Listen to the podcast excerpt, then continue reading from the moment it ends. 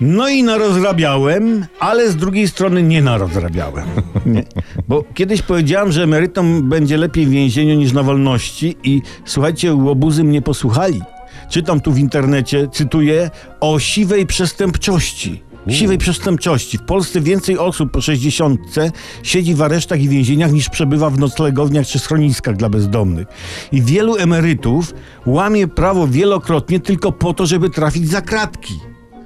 I słuchajcie, mają skubańce rację.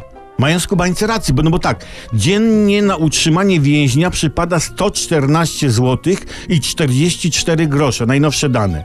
Statystyczny emeryt ma 1200, no są 13 emeryt, okej, powiedzmy 2000 z dili miesięcznie ma, nie? A w więzieniu ma 114 dziennie, dziennie. Są jakieś pytania? Nie widzę.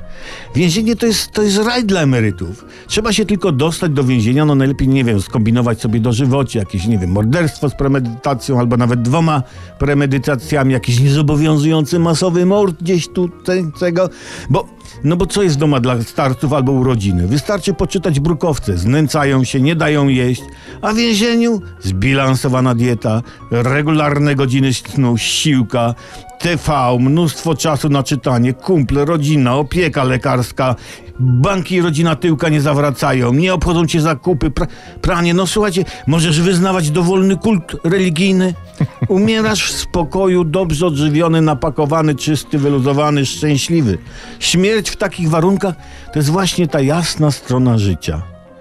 Ale chyba coś jest jednak nienormalnego, że takie myśli do głowy przychodzą. Nie? Albo ze mną coś nie w porządku, albo z systemem emerytalnym. Ja mam nadzieję, że ze mną.